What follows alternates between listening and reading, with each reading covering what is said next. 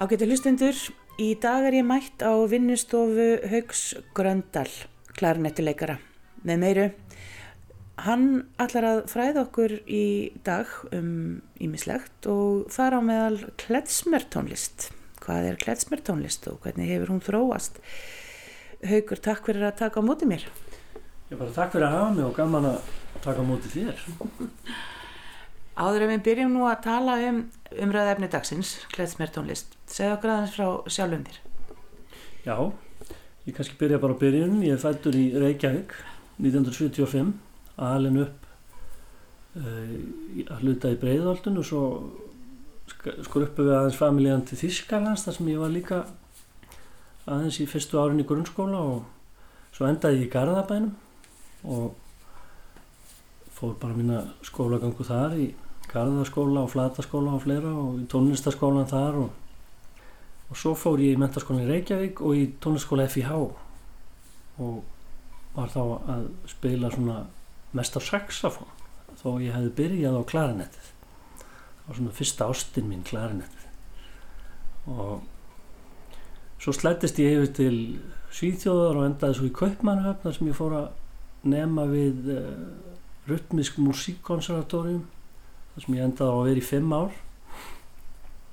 Og svo fór ég að svona að snutti eitthvað til Búlgaríu og Makedóni og var þar að læra líka aðeins mest í enga tímum hjá mjög áhugaverðum uh, tónlistamönnum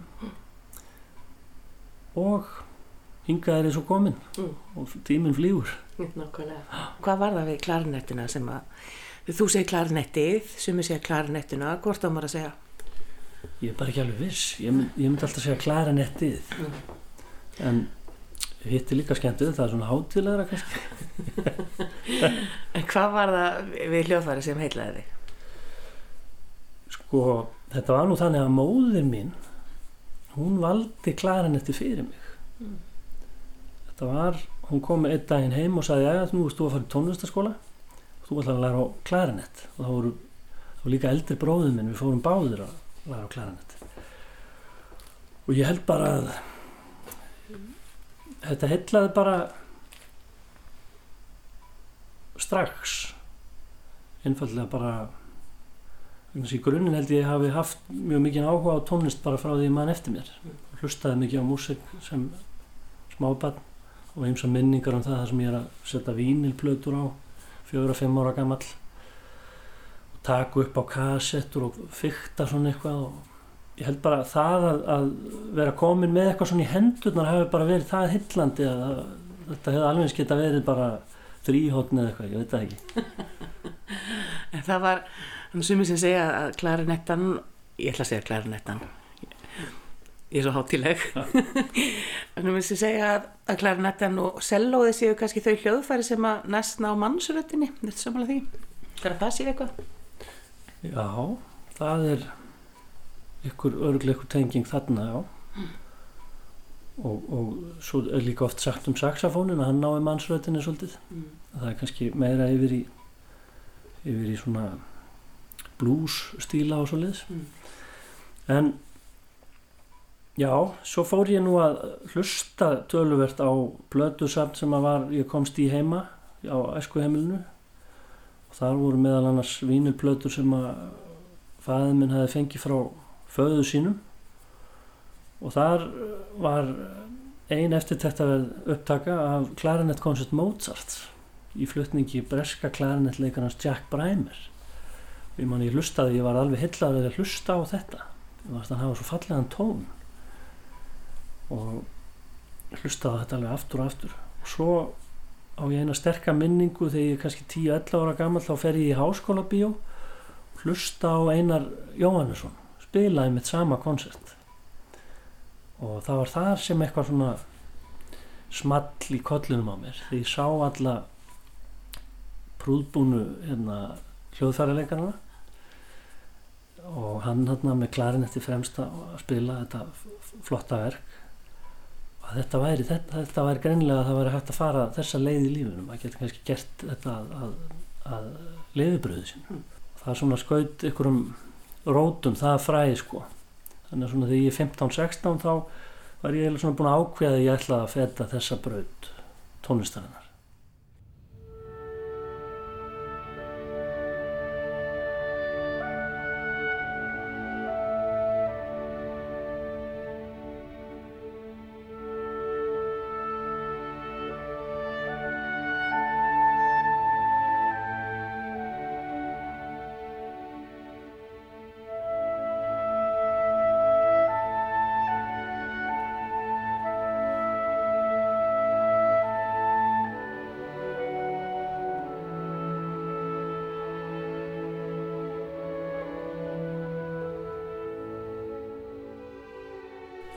þú, svo varstu í FIH og þú varst í Kaupmannhöfn og það var svona djassin sem var, var þitt uh, aðal, aðal mál.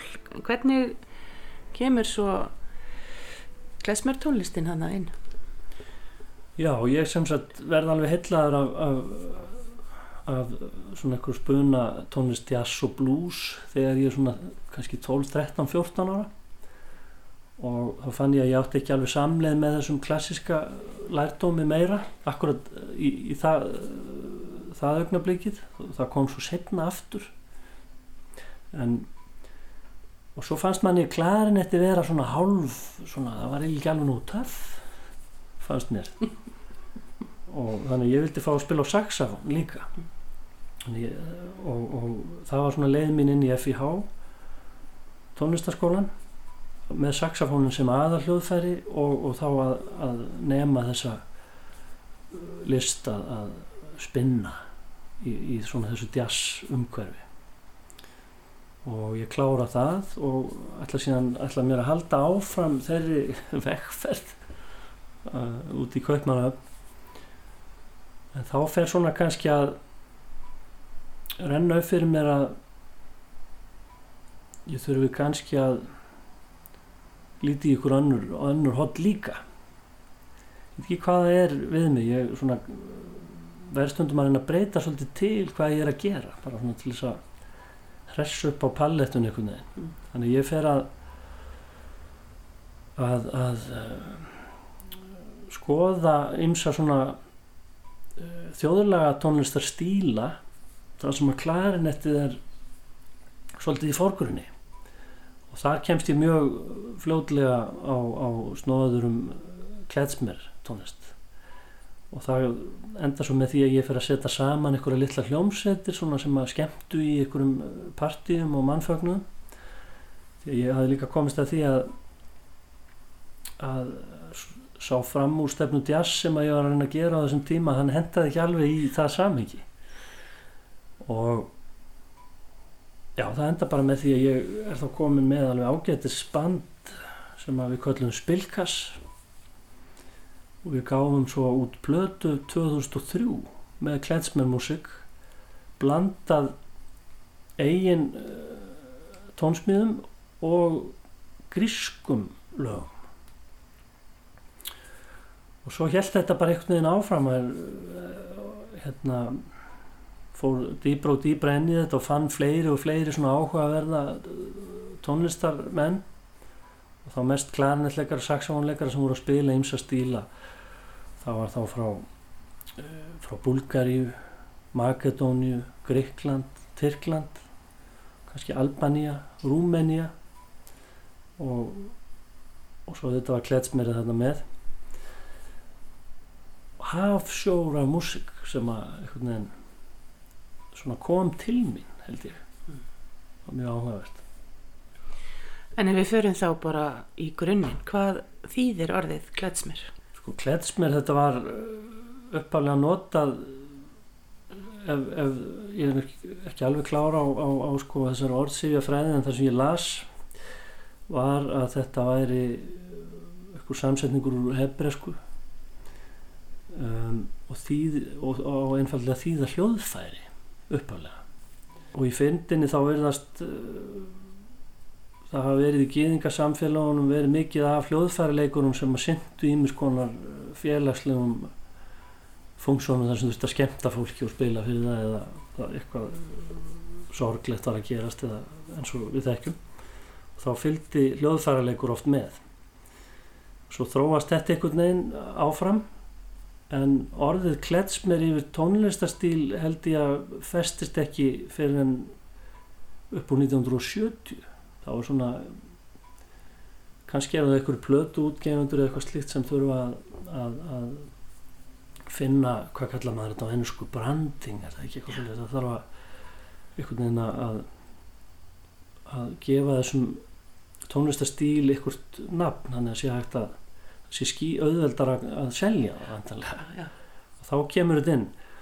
En fram að því innflytjandunni frá Úkræn og Pólandi þá man ég sérstaklega eftir tveimu klarnetleikurum Dave Taras og Naftúli Branda en þeir voru virkir hérna bara strax upp á 1910 í, á austustunum bandaríkjana þá var þetta ekki kallað kletsmer þá var þetta eitthvað slags uh, já bara músik sem að hafði funksjón inn í uh, einhverju félagslegu samengi fyrir fyrir geðingana í þeim, þeirra samfélag og þá fylgdi músikin frá gamla heimalandinu.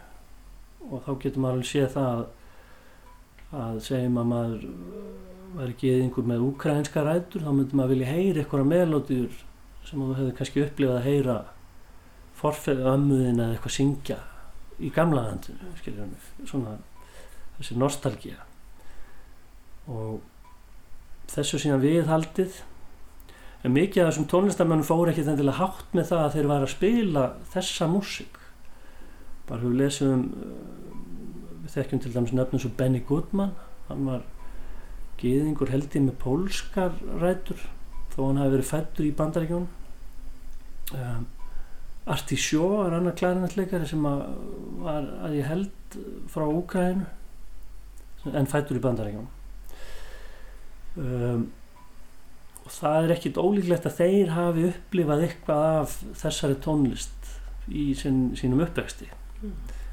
og klárt mála eitthvað af, af leikmáta og annað hafi slæðist inn með og blandast síðan jazzin og þar komum við kannski einmitt að, að þessu að hvað kletsmjörnmúsikin er mikil bræðingstónlist, fusionmúsik eh, það slæðast inn grískar laglinur, rúmenskar rústneskar, pólskar uh, búlgarskar jáfnveil tyrknest tyrknesk áhrif inn í þessa músik og úrverður eitthvað eitthvað hérna eitthvað ykkur kása af alls konar músík Þannig að ef við tölum um sko balkan tónlist og kletsmer tónlist en það er einhver ákveði munir að ná, er það ekki? Eða er þetta orðið bara einhver samsöða? Það er mikill munur á, á þessum stílum, ja. myndi ég segja. Ég myndi þá segja að, að kletsmertónlistin sem bræðingstónlist væri að taka áhrif frá þessum svæðum til dæmis á Balkanskaðan um, ef við förum til dæmis til norður Greiklands til Thessaloniki Thessaloniku í norður Greiklandi og þar voru til dæmis uh, samfélög gíðinga og það má heyra á, á sumum laglínum kletsmer, sem eru í efniskar á kletsmer hljóðfærarleika eða hljómsvita augljós áhrif frá laglinum sem að týðkast að spila í norðu Greiklandi en það tekur á sig aðra mynd. Og það er þá kannski helst þetta með hvernig undirleikurinn er hugsaður og hvernig sá hljóðfærarleika sem flytur laglinuna skreitir laglinuna þar er kletsmerið aldrei sér á parti miða við hýna stílana. Mm. það eru mjög svona dramatískir stælar oft, oft í spilunum. Og það sem er verið að reyna að framkalla uh, þetta sem við öll upplifum á lífsleðinni látur, grát ofsagleði mikla sorg og allt þar á milli. Og meðan kannski grekkirnir eru ég get nú kannski bara sínt sí, dæmi um, um eitthvað svona. En uh, gríkirnir væri með sínar uh, kannski lútur og handslagverk og kannski að ölliti lágstemdari leik þó að hann oft færi hærra. Kletsmer hljóðfærarleikarinn væru kannski með trommusett og kontrabassa harmoniku, fylgu, kannski stærri, stærri bönd meiri læti og svo þessi þessi, þessi hérna, dramatísku effektar í til dæmis á klarinetleikarunum Mm. sem lí, líkir eftir hlátri og á ég syngja Mhm.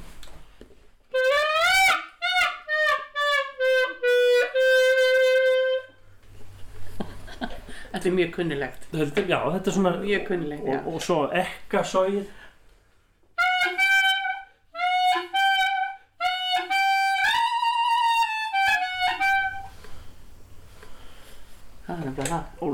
þeir láta svona tónana brotna og fara mikið En sko, akkur heldur að, að, að klarinettan sé svona áberandi í þessari klesmyndtónlist? Er hún bara hendug?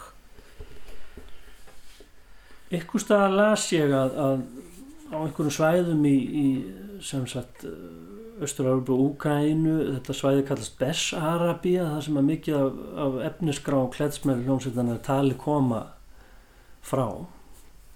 Þetta er sem sagt norður hluti Rúmenju og inn í Úkrænu einhvert svæði. Mol Moldavíja líka. Og þar í fyrndinni var einhver keisari eða einhver típa sem að bannaði háværi hljóðfæri. Mm. og þá var mest leikið á, á, á cymbalum sem er svona uh, einhvers slags borðharpa sem er spilað á með sleiklum og fiðlur. Fiðlan er líka mjög svona gegnumgangandi hljóðfæri í kletsmer. En setna þegar það var losað um þetta þá tók klarinettan yfir aftur og blástus hljóðfæri. Ég held að sé einfallega því að það heyrist meira í þessu þannig að á markastorkinu eða í, í stóru veislunni gæt klarinetleikarin komist í gegnum kannski og það heyrðist í honum þrátt fyrir að það væri engin uppnáð Einmitt, já. gæti ímynda mér að þetta væri Akkurat, en þú talar um symbolón og fylur og það er náttúrulega eitthvað sem að tengist mjög náið rómatónlist. já, og einmitt já, og, og í Rúmeníu erum við einmitt með symbalom og þeir sem að muni eftir hljómsveitinni tala eftir hædúks til dæmis það er nú miklu mestarar og strengjarlega í, í, í þeirri útgerð. En klarinettið já það hefur líka svolítið gó- mikið tónsvið. Mm. og það er hægt að spila skerandi þannig að maður komist í gegnum mikinn háfaða og svo er hægt að fara í einhverja miklu meiri mýkt líka. Þannig að maður næra hansi miklu af tilfinningaskalan í gegnum það hljóðfæri. Og það hugsa ég að skýri skýri eh, það hefur gott notagildi sko í, í þessum stílum.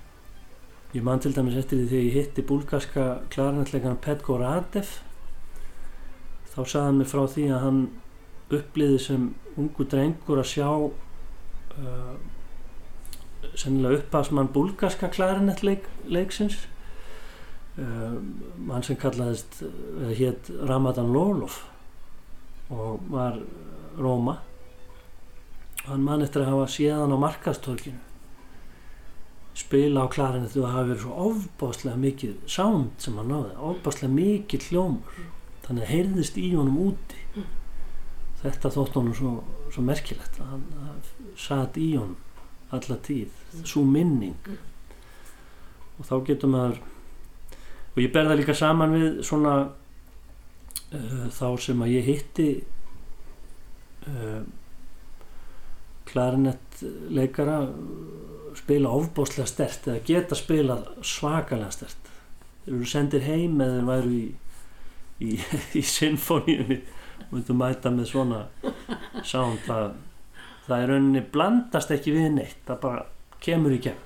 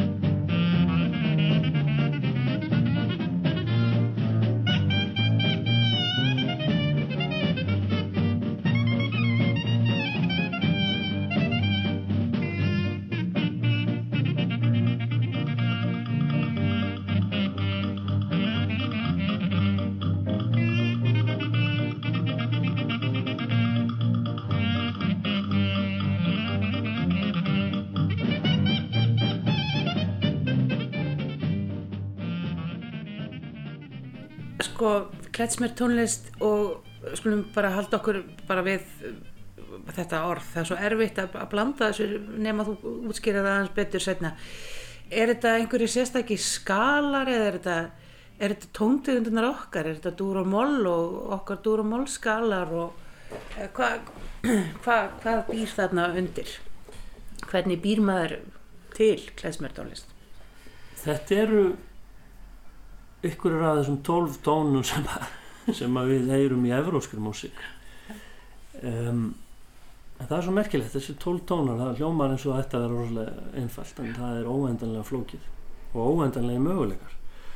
Sko við erum að við þekkjum flest þetta þennan hljóm til dæmis hérna. Ef ég spila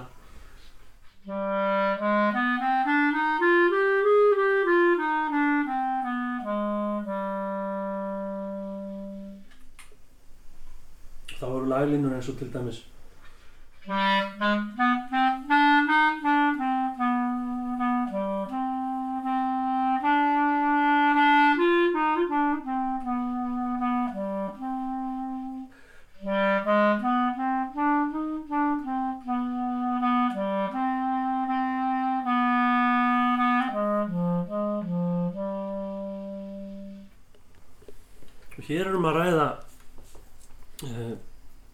hljómhafan moll sem er spilaður frá fymta sætinu þannig ef ég segja fyrsti tóknin sé hér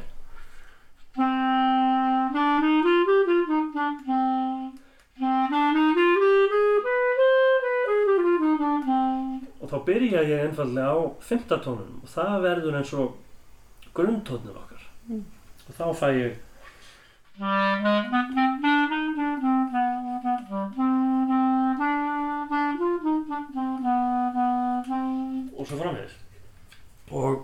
mikið af kletsmellögunum þau myndu til dæmis á mjög eðlilegan máta. Ég, þetta er ágætið stæmi þetta lag að maður sem þekkja það var í meðal annars í Schindlers List þessi melodía, þetta er þekktasta kletsmell melodía sem að, uh, við heyrum.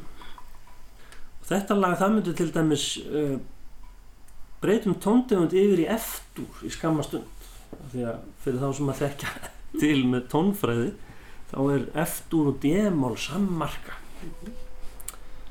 og þetta myndi maður til dæmis heyra á allt annan máta í balkanmúsík þetta, þetta er svona ég heyri þetta eins og svona meira norður evróska tradisjón. Þá kemur til dæmis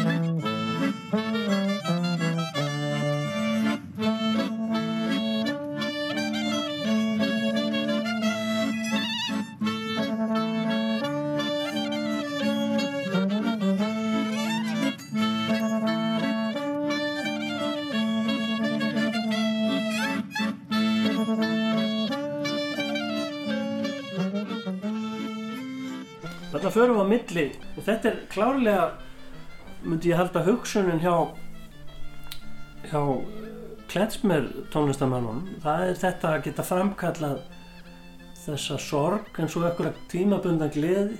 Það byrtir aðeins yfir en svo verður maður leiður aftur því að, að raunveruleikin er uh, sennilega fyrir mikið af, af þessu fólki hefur verið erfiður. Mm -hmm. Virkilega erfiður. Og þá hefur þeim fundist eða verið að knúni til að minna þess á að gleðinni fylgir sorg. Er hlátur og grátur fer alltaf saman. Ef það er bara annarkort þá erum við ekki alveg á réttum stað. Einmitt, einmitt. En hvernig er þá fyrir svona, já, bara nokkuð um, happy-go-lucky Íslending að að fara út í þetta og, og læra þessi fræði þar maður ekkert að hafa þetta bara í blóðunni er bara, hvernig er það? ég hugsa að þetta sé nú bara svona universal hlutir sem við erum að hérna, fara inn á hérna. þetta er í sál okkar allra held ég að geta tengt við uh, svona hluti kannski verum við misnæm fyrir því Mm. Sumir heyra náttúrulega kannski ekki mun á því þegar hurð er skellt og fallegri músík. En það er bara eins og það er. En fyrir mér ég veit að ég fengið þessa svona upplifun. Ég lísti nú upplifunni því ég heyrði Jack Brymer á plötunni góðu spila Mozart og svo Einar Jóhannesson. Og svo man ég þegar ég heyrði fyrst í Louis Armstrong og B.B. King og Stan Getz og það kom alltaf einhverju svona upplifun er, þetta hittir mann á hárréttan stað einhvern veginn í, í hjartanu Mm. og hvort það er vegna það er hárrétta tíma það er hárrétti tímapunkturinn fyrir mann eða ég væri upp með að útskýra það en margt í, í þjóðlega músikinni hitti mig á sama hátt eitthvað svona það er einhver einlægni og kannski ein, einfaldleiki og musikalitet sem er hægt að eh, sem er svo nærandi Mm. og heillandi óendanlega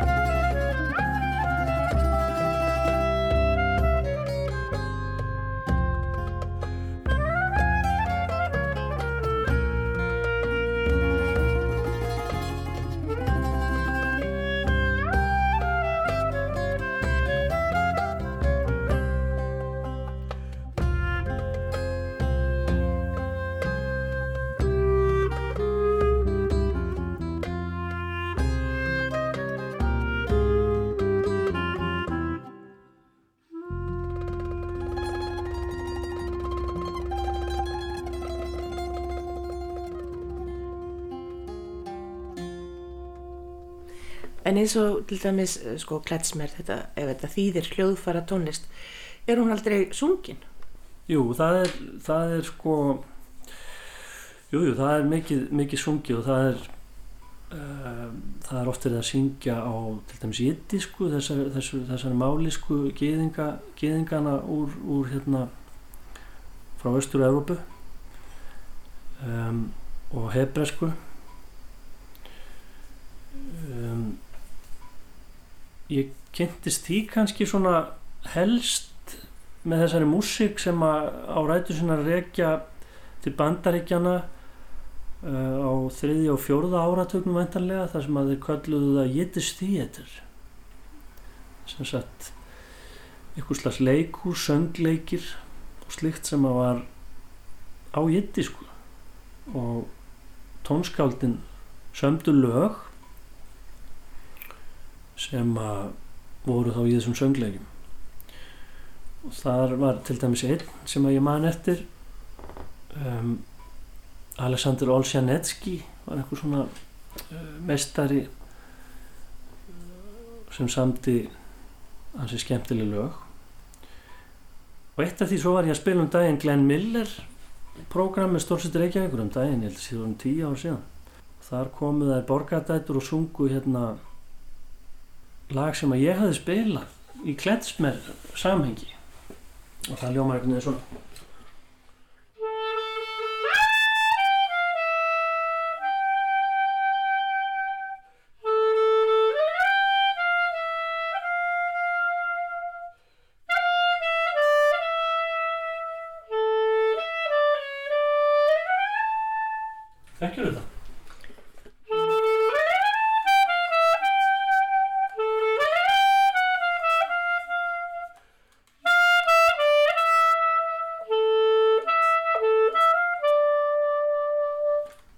rosalega kunnulegt. Já, ich, ich hab dich zu viel lieb I love you much too much held ég heita.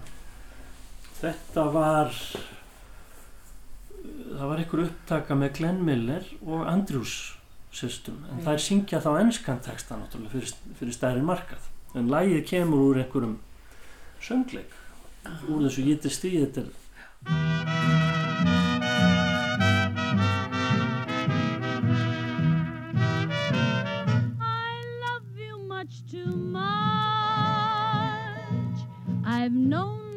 from the start, but yet my love is such.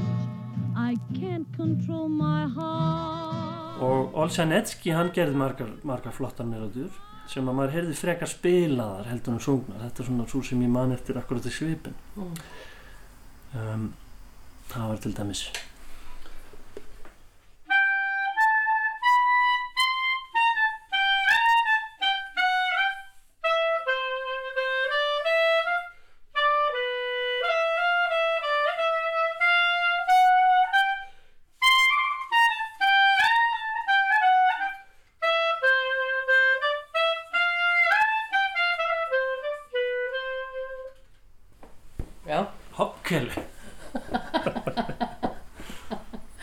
Nú að rifja þetta upp hérna bara á meðan við vorum að spjalla um þetta Já.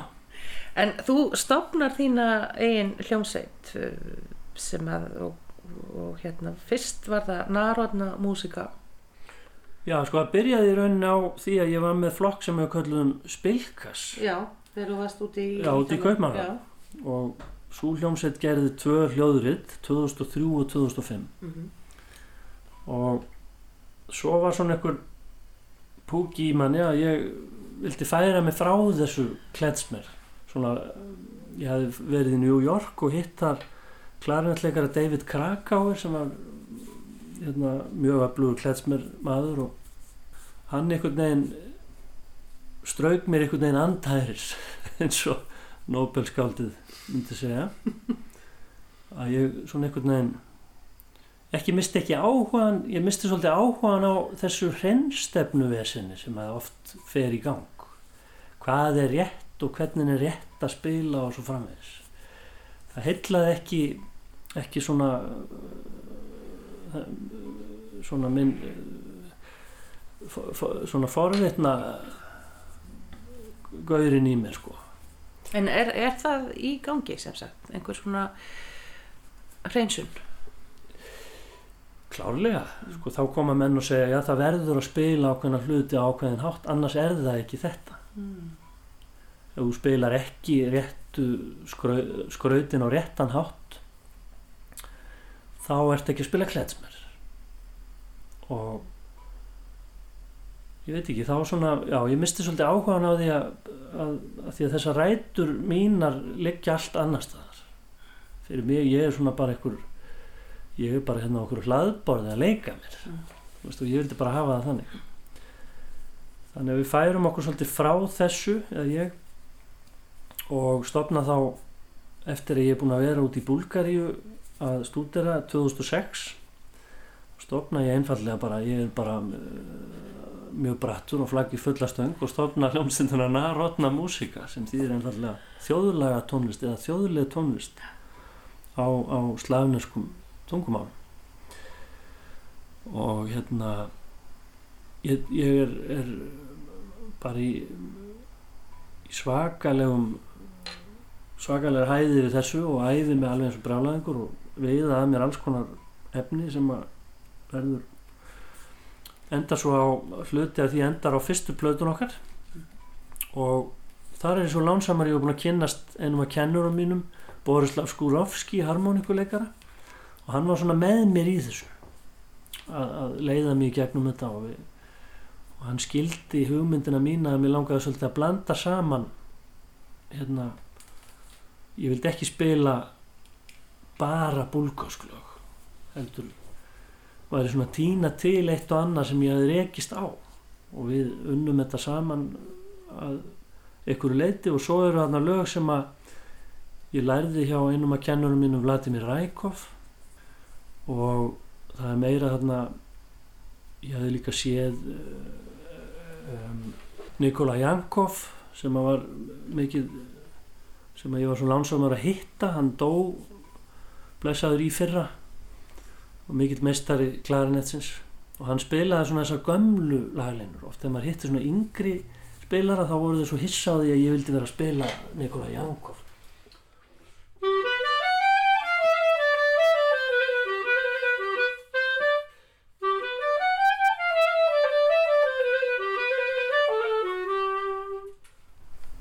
finnst alltaf eitthvað svo vinalegt við sömur að þessum eldri búlgórsku melodum. Þetta datt inn á diskana og, og svo flutti ég til Íslands 2006 og svona held þessu áfram. Og uh, Ásker Áskersson vinnu minn síðan FIH áraum og við stopnum bandið hérna skuggamindi frá Bísans, Bísandin Silvett. Þannig að þá gæt maður svona viðhaldið því að spila þetta með einhverjum Mm. og sáflokkur hefur síðan gert þrjá, þrjú svona upptökuverkefni og DFD-disk líka sem að ég held að sé nú frekar þungur í sölu þessa dagana en það er önnur saga Er, er hljómsveitin svo ennþá við líði og, og, og, og hittist þið stundum og, og takið lagið saman? Já, við reynum alltaf að, að trekja það upp inn á milli en það er búin að spila mjög mikið á, á þessum tíu árum og uh, ég held að því miður hefur náttúrulega COVID sett strykir reikningin eins og við vitum. En ef það rofar eitthvað til þá hugsa ég við hyggjum á eitthvað í sömar og kannski á þjóðlega hátíðin á Siglufyrði ef, ef ég maður rétt þá stendur það til í sömar En sko, ég er ekki vissum að ég geti sagt til ef ég var að hlusta á sko, þennan, þessa diska, mm Mhm. tveir diskar, einn rauður og einn blár og tíu ára á milli. mm -hmm. Ég man nú eftir þessum rauða hérna, Já, hann var mikið spilaður já, og sko ég get ekki kannski sagt hvað eru Róma melodíurnar og, og hvað eru uh, kletsmer eða sem sagt já, uh, gýðingamelodíurnar. já. Mm, það er svolítið erfitt að greina þannig á milli. er, Mhm. er, er, er það bara ég? Nei, ég held að það er klárlega getur verið snúið. Það kemur svolítið eins og ég sagði þarna áðan, sko, hvernig skrautið er sem er Já. spilað. Og svo er eitt sem er svolítið leikilatriði, það er að kletsmer bönd sem að eru vantanlega þá að vinna í þeim sem sagt, þeir, þeim funksjónum sem að dettin á borð, þeim gegum sem dettin á borð það eru brúðkaup og bar mitzva, veistlur og eitthvað svona þá komist við að því út í kaupmannhöfn á sínum tíma að þau vildi ekki heyra ósamkvæðara takttegundir ósamkvæðara takttegundir eru þá það sem að kallast á ennsku odd time Mm. við þekkjum best eitthvað sem er í fjórum þá er bara 1, 2, 3, 4 1 og 2 og 3 og 4 eitthvað svona eða í tveimur. 1 og 2 og 1 og 2 og búm, búm, búm, búm ba bú ba bú ba búm tjaka búm kaka búm eitthvað svona en oddtæmi myndi þá vera ef þú ert farin að telja kannski 5 7 9, 11, 13 og svo framvegis. Og ósamkværu taktefundirnar eru mjög stór hluti af, af sko Balkan. Tónlistin eins og í Búlgaríu er 7 og 9 og 11 mjög algengt og 5 og búlgarinni spila líka í 6 áttund svona svona einhver stemning og meðan og makedónandi þeir fara enn lengra með þetta oft á tíðum þar sem þeir setja saman takta kannski eins og 7 og 5 sem er þá 12 en að því að skiptingin verður já kannski það er lett að taka kannski til þeim 7 sem dæmi og segja að þá getur við sagt að það sé að, að áherslutnar í taktinu geti verið 1, 2, 1, 2, 1, 2, 3 1, 2, 1, 2, 1, 2, 3 ef ég fer alveg lúshægt í það Mhm. Þú getur þá líka sagt að það væri 1, 2, 3, 1, 2, 1, 2, 1, 2, 3, 1, 2, 1, 2 Þannig að við sjáum að möguleikarnir er hansi miklir í að setja saman þessar einingar af tveimur og þremur Dæmi um, um búlgast um, lag í sjö gæti verið til dæmis þetta hér. Þannig að þá er það við, ég ætla að spila þetta bara hægt þetta væri spila tölvert hraðar fyrir þá sem eru vanir. Ef við, ef við hugsaum taktin 1, 2, 1, 2, 1, 2, 3 1, 2, 1, 2, 1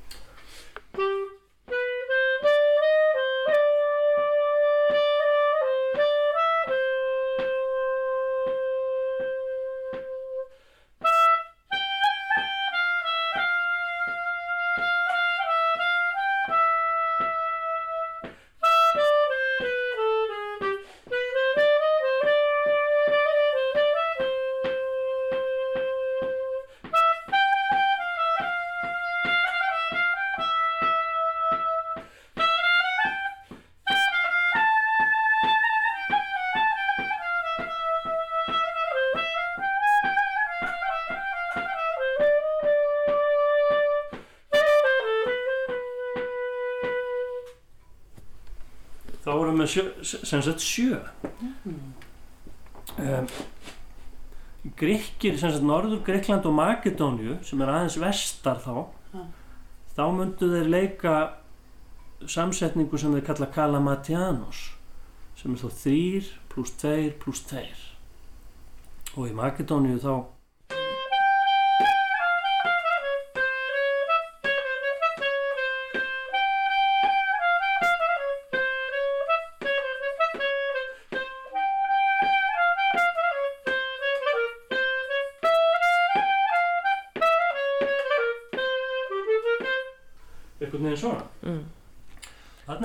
er svolítið, það er sami, sami tónlitur og við heyrum í kletsmer, kletsmer lögunum, ekki satt?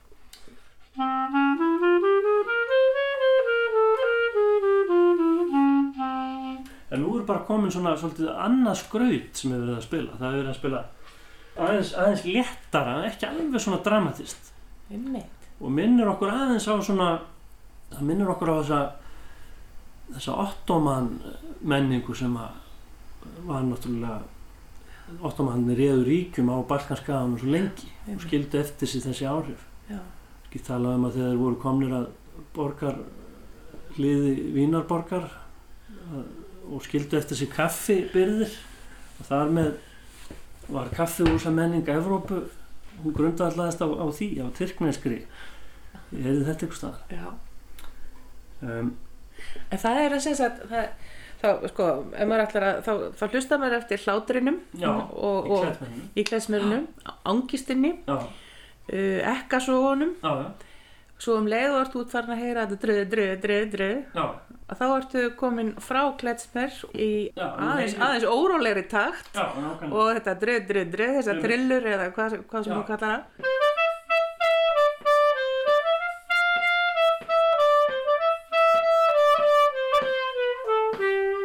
Þetta er til dæmis grist, svona stef sem að hljóðfærileikarinn myndu spila áður en að lag væri sungi sem heitir Milo Mu Kokino í sjö líka.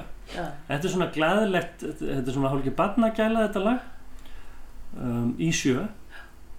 Um, en þá er svona, svona örlítið glæðilegt en smá svona tregi í þessum fallandi. Ég heyri, ég, ég, ég,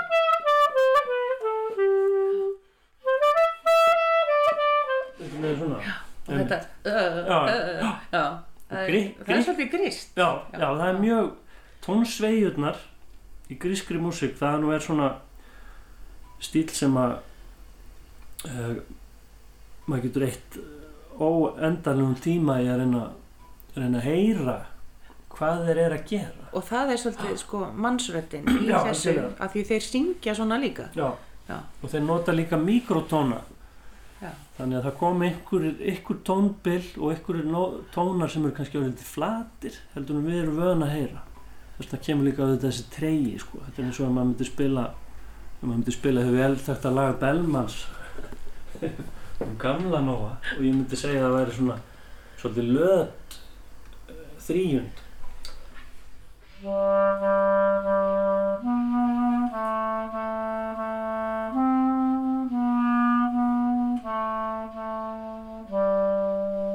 staðan fyrir að segja.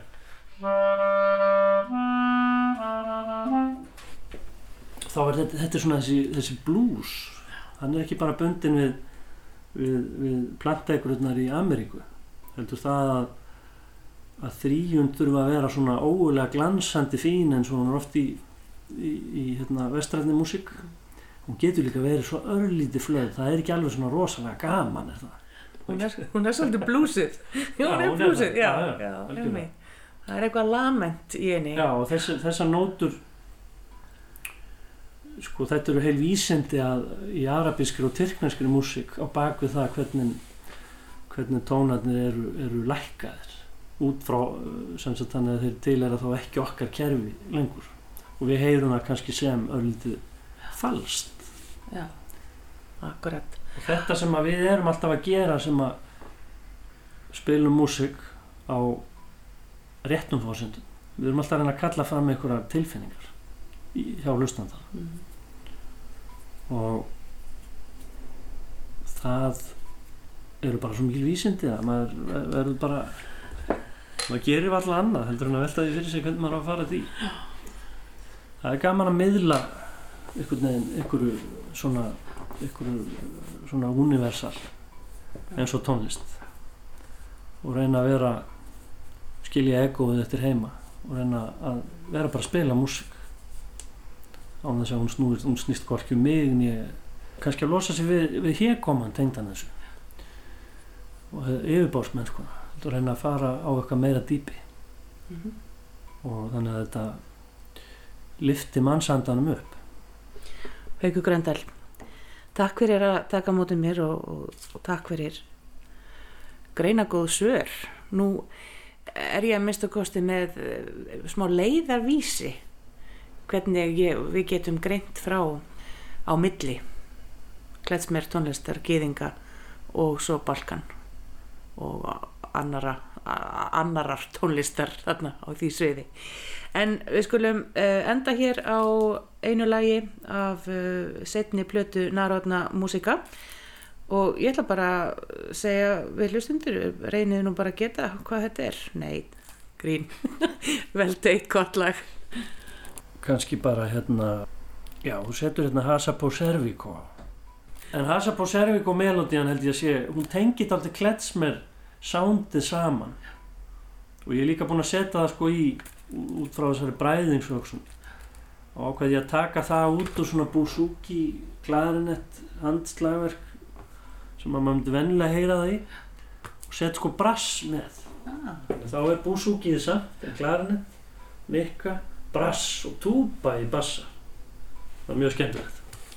Ég held að það sé alveg það er þessi bræðingur samt gríst en melódið sem að þú gætir alveg heyrt kletsmer hérna, hljóðfæra leikar að spila og hafa heyrt, lært einhvern veginn það breytist eitthvað, það skólast eitthvað til þannig þannig lifir þetta Haukur, við getum haldið áfram hérna í allan dag. Sannarlega. Þakka þér kjalla fyrir enn og aftur. Við ykkur hlustendur segi ég bara þangað til næst hafa það sem allra best.